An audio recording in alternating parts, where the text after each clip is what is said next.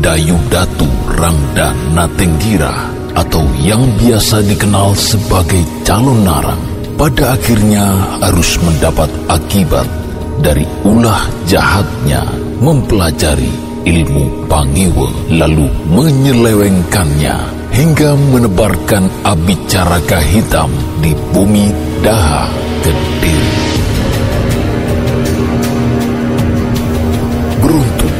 Empu Barada berhasil mengetahui titik lemahnya hingga calon arang mampu ditaklukkan. Namun salah satu murid di antaranya berhasil melarikan diri ke arah timur.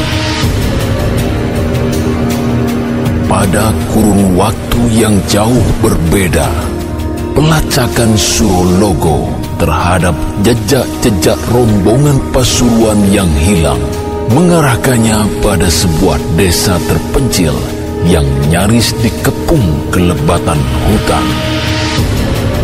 Namun sejumlah penduduk yang ditemuinya justru menyarankan agar Surologo tak lagi meneruskan pencariannya karena hanya akan sia-sia belaka. Jawaban para penduduk itu tentu saja tak memuaskannya sehingga mereka menyarankan Surologo menemui Kilurah Singoranu untuk mendapatkan penjelasan panjang lebar. Beruntung, sang lurah dengan tangan terbuka menerima bahkan mempersilahkan Surologo menginap di rumahnya. Secara mencengangkan, Kilurah telah membabar hal-hal yang mengejutkan dan membuat Surologo berkali-kali merasakan bulu kuduknya berdiri, terutama dalam peristiwa kematian macan sikap.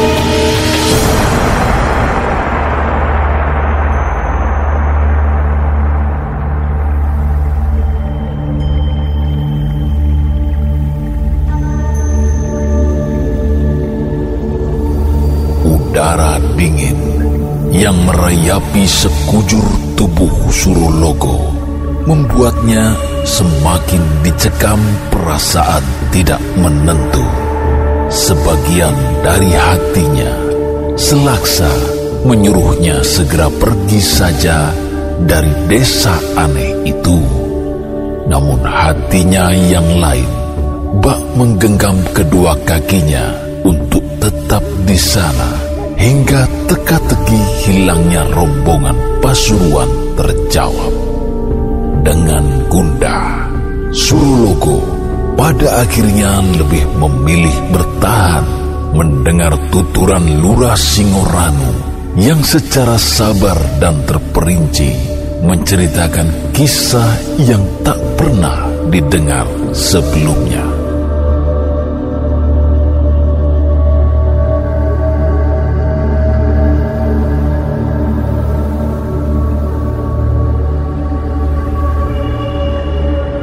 Demikianlah kisahnya.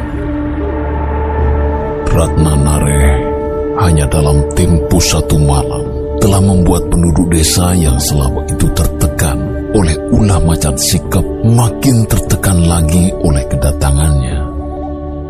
Penduduk hanya bisa pasrah karena seperti yang telah saya ceritakan sebelumnya, mereka tidak bisa berbuat apa-apa karena letak desa kala itu demikian terpencil, tidak mudah berhubungan dengan dunia luar. Lalu, apa yang terjadi setelah itu, Kilurah? Bukankah penduduk desa lebih banyak jumlahnya? Apakah tidak ada satupun yang bernyali menghadapi Rara Nare? Tidak ada kisana. Justru keadaan makin rumit. Ratna Nareh menjadi begitu berkuasa di Wonontoro. Entah bagaimana para penduduk menjadi seolah-olah kerbau yang dicocok hidungnya. Mereka menjadi begitu penurut.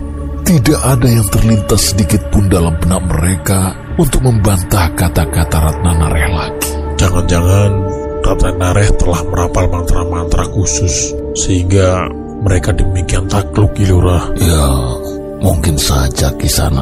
Yang pasti penduduk Wonontoro berubah menjadi seperti pelayan saja. Ratna Nareh ibarat berubah menjadi raja kecil. Para laki-laki dipaksa menanam makanan kegemarannya, sementara para perempuan dipaksa memasak makanan enak-enak. Dia tidak peduli bahwa penduduk sesungguhnya untuk memenuhi hidupnya sendiri amat sulit. Jika perempuan itu ingin berjalan-jalan keliling desa, dia memerintahkan penduduk menandunya. Hingga suatu ketika, saat sedang berkeliling itu, Ratna Nareh melihat janur dan kain merah yang dipasang dekat sanggar pamujan. Setelah mendapat cerita dari penandunya bahwa itu adalah penanda larangan masuk alas danda, Ratna Nareh justru memerintahkan tanda itu dibuang saja. Ratna Nareh meremehkannya di sana. Ya, kala itu tidak ada orang Wonontoro yang tidak bekerja untuk Ratna Nareh. Semuanya harus memberikan segalanya. Bahkan dia juga merekrut paksa murid-murid perempuan. Dia mengulang kembali apa yang dilakukan gurunya Menggunakan lontar yang ditulis oleh gurunya, dia mengajarkan kembali ilmu Pangiwa, tantra kuno yang bersifat kerohanian dan berkembang sejak masa Sriwijaya hingga Singasari, dianut oleh beberapa raja namun disesatkan oleh calon arang, hingga condong menjadi ajiwekik atau ilmu hitam tingkat tinggi. Ajaran yang telah disesatkan inilah yang digunakan oleh Ratna Nare untuk mencuci otak murid-muridnya dan meracuninya dengan pemahaman-pemahaman menyeleweng. Ya, memang demikianlah ilmu Kilurah. Seperti juga pisau, dia akan menjadi jahat jika diselewengkan dan digunakan manusia untuk hal yang tidak semestinya. Namun sebaliknya, akan mendatangkan manfaat jika digunakan untuk kebaikan semesta. Iya, saya sepakat di sana bukan hanya ilmu, namun juga hal-hal lainnya saya kira. Tergantung manusianya akan digunakan untuk kepentingan apa. Eh, kembali pada Ratna Nareh di sana. Suatu malam di hari Anggoro Kasih atau Selosok Kliwon, Ratna Nareh memerintahkan para muridnya untuk mengumpulkan seluruh penduduk di Sanggar Pamujan mereka dipaksa untuk melakukan hal yang tak pernah dilakukan penduduk Wonontoro sekian lama. Ratna Nareh memaksa para pemuda membuat tetabuhan, sementara para gadis harus menari. Ini sungguh tidak semestinya.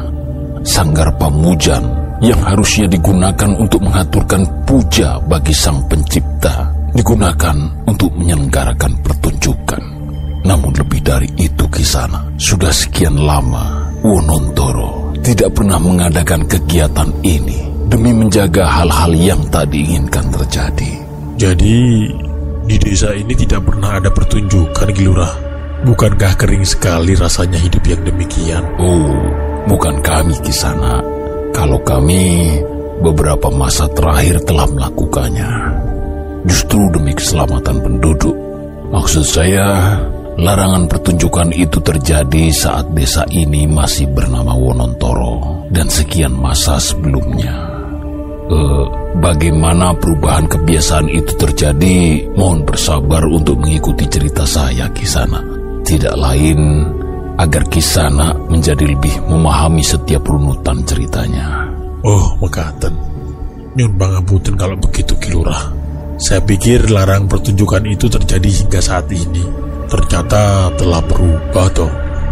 Maaf Kilurah, kalau boleh saya tahu, mengapa penduduk Monontoro saat itu melarang adanya tarian Kilurah?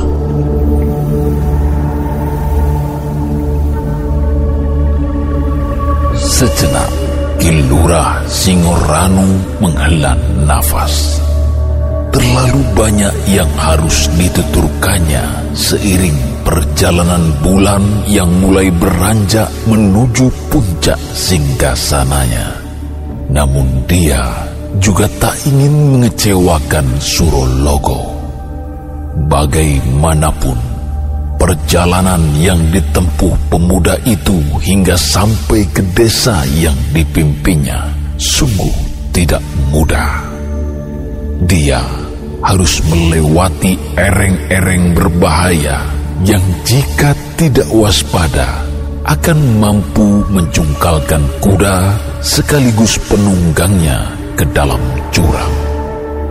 Ilurah Singoranu merasa dia telah menunjukkan niat kerasnya hingga harus pulang untuk mendapatkan hasil yang sepadan.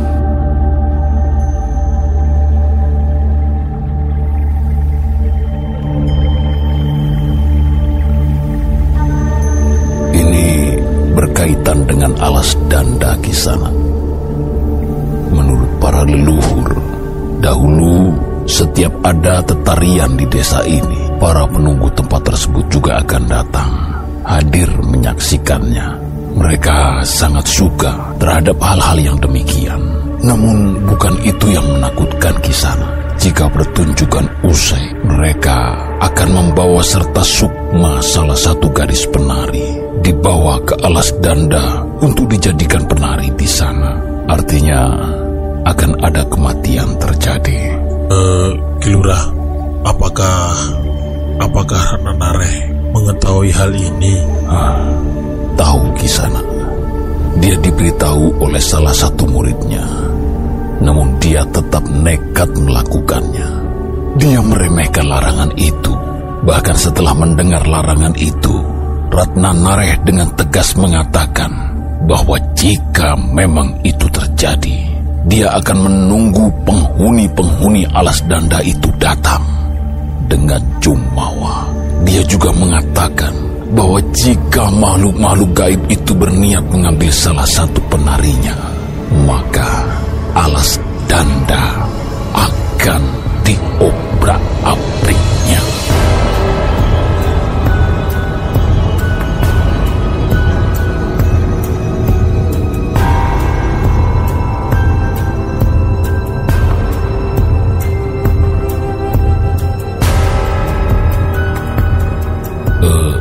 Sana, sesungguhnya ada alasan lain di balik penyelenggaraan tarian itu.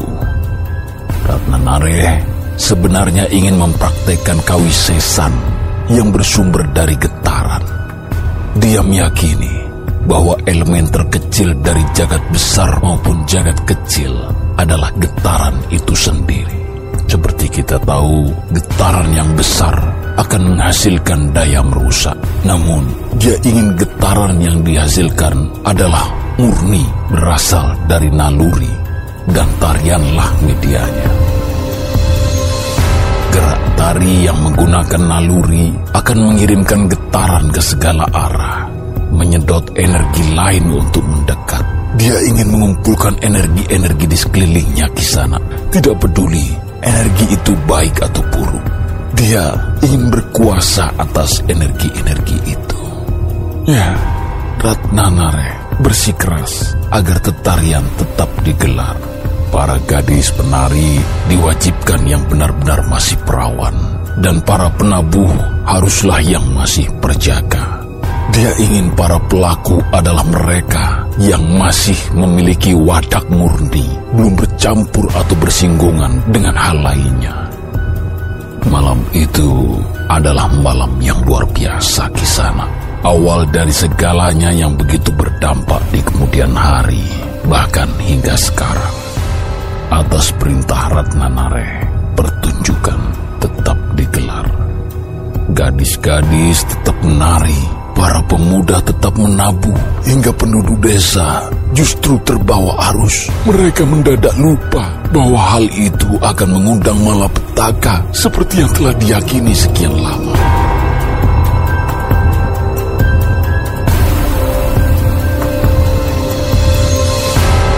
Nada-nada yang begitu indah dari Wonontoro dan energi gemulai para penari pelan-pelan menyelusup ke sela-sela lebatnya alas dan daki sana dan apa yang ditakutkan turun-temurun benar-benar terjadi. Para penghuni gaib alas danda menggeliat. Energi yang berasal dari Wonontoro pelan-pelan membuka selaput tipis yang memisahkan alam nyata dan alam. Mereka berhamburan keluar alas danda, melewati gerbang beringin kembar, menuju lokasi pertunjukan yang digelar Ratna Nare. Ratu gaib yang bermukim di keraton lembut sendang Sarpamara justru marah. Sangat marah di sana.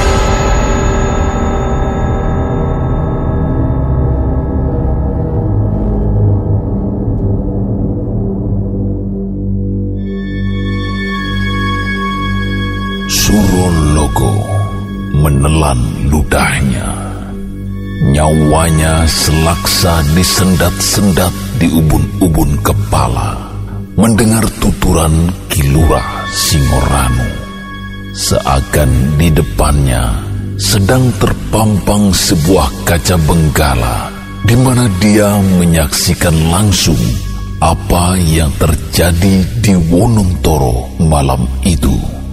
Jelas tergambar di wajahnya Surulogo sedang larut dalam gelontoran kisah yang begitu mencengangkannya meski kadang sulit dipercaya.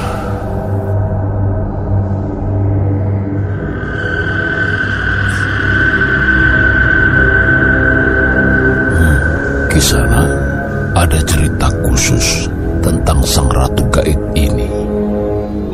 Para sepuh, Ratu Sendang Sarpamara sesungguhnya berasal dari selatan. Sepanjang keberadaannya di jagat lelembut, dia selalu tinggal berpindah-pindah sesuai perintah yang diberikan kepadanya.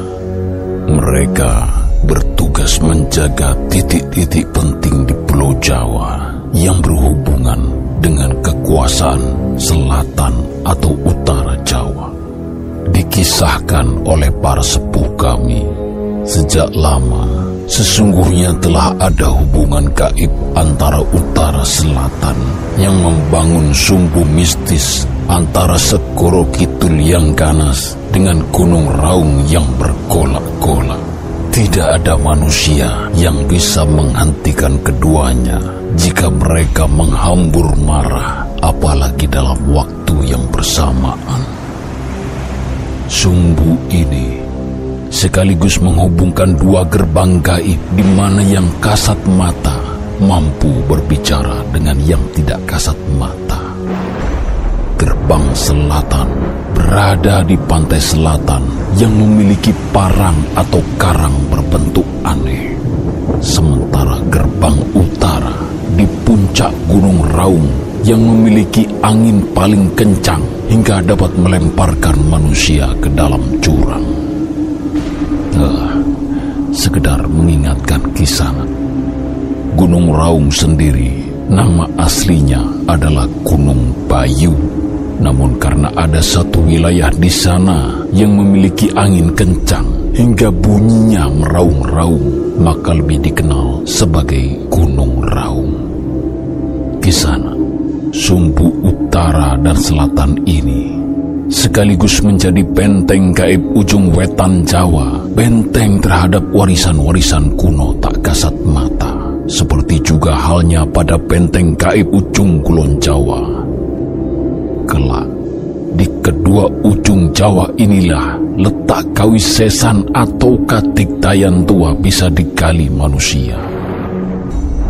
Dua titik ini membentuk jalur lintasan sekaligus batas gaib yang luar biasa di sana. Batas di mana orang luar harus berhati-hati terhadap setiap jengkal tanahnya. Untuk diketahui di sana, di masa Mojopahit, orang-orang Tiktoyo yang ada dalam batas ini telah menjadi andalan dan kepercayaan Prabu Hayam Wuruk tertulis dalam sebuah lontar kuno yang ditulis Empu Prapanca, saksi mata langsung peradaban Majapahit. Lontar itu adalah kakawin desa Warnana yang ditulis pada bulan Aswina tahun Saka 1287. di mana mereka disebut sebagai orang Balumbung, Balumpungan, yang kemudian kita kenal sebagai Blambangan saat ini. Bahkan Resi Tawang Alun Aji Rojo Noto, leluhur Kanjeng Gusti Prabu Tawang Alun Mas Kembar, yang dicandikan di selatan Surabaya percandennya hingga kini pun tetap menyimpan energi yang luar biasa. Demikianlah kisah Meski Majapahit telah runtuh, secara mistis garis sumbu itu juga tetap diuri-uri oleh Kanjeng Gusti Prabu Tawangalun Mas Kembar hingga beliau mendirikan kedaton macan putih. Konon, keratonnya sengaja dilamuri mantra-mantra gaib hingga sulit ditemukan jejaknya.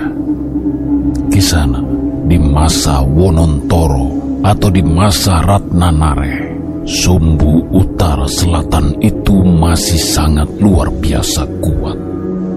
Kanjeng Ratu Kidul menempatkan para senopatinya di sepanjang lintasan, menjaga jalan gaib di mana kereta kencananya bergerak diiringi gending-gending kebesaran menuju utara. Demikian juga sebaliknya.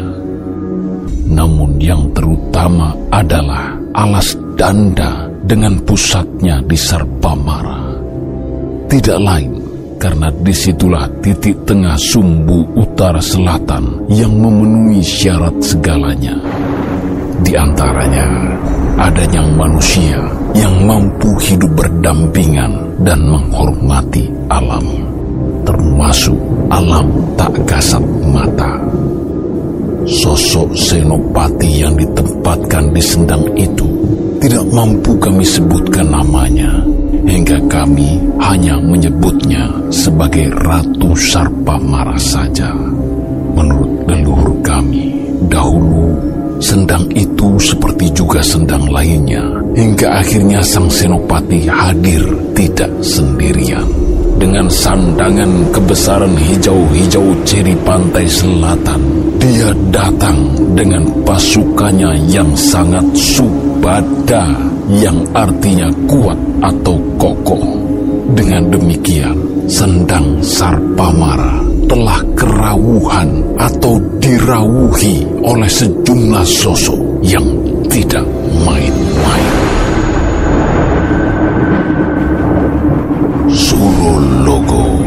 Tersentak mendengar beberan Kilura Singorani. Tidak menyangka bahwa segalanya menjadi begitu rumit. Ratna Nare telah mengusik keseimbangan yang terjadi di Wonontoro, namun juga tidak menyadari bahwa yang dihadapinya bukanlah sosok-sosok sembarangan. Seiringan dengan apa yang dikatakan Kilura Singoranu, angin besar mendadak muncul, menggerakkan ujung-ujung pepohonan di sekitar keduanya berada, menciutkan nyali keduanya malam itu.